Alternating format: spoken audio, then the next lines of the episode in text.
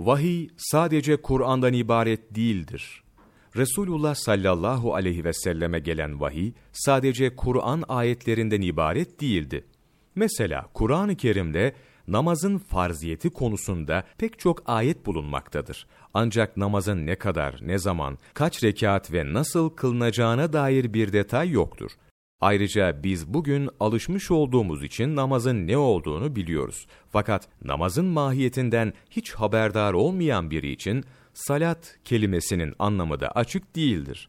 Gerçek şudur ki, bugün kıldığımız şekliyle namazların mahiyetini biz Resulullah sallallahu aleyhi ve sellem'den öğreniyoruz. Burada önemli bir soru cevap beklemektedir. Acaba Resulullah sallallahu aleyhi ve sellem namazları bugünkü şekliyle bize gösterirken tamamen kendi reyine göre mi hareket etmiştir yoksa bu konuda kendisine birileri öğretmenlik yapmış mıdır? Her aklı başında insanın kabul edeceği üzere Resulullah sallallahu aleyhi ve sellem bunları Cebrail aleyhisselamdan öğrenmiştir.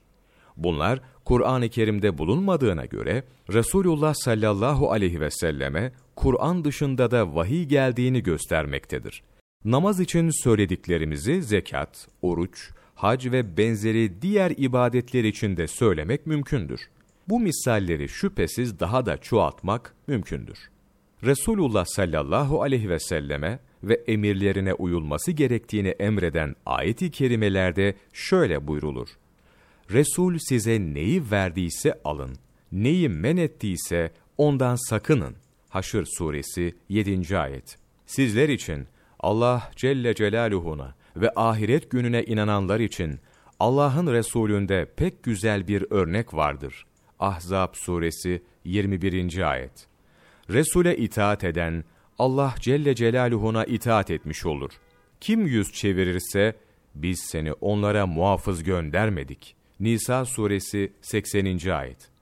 Peygamberin emrine aykırı hareket edenler başlarına bir musibet gelmesinden veya elin bir azaba uğramaktan sakınsınlar. Nur suresi 63. ayet. İbnül Esir el-Cezeri, Camiül Usul, 19 Şubat Mevlana takvimi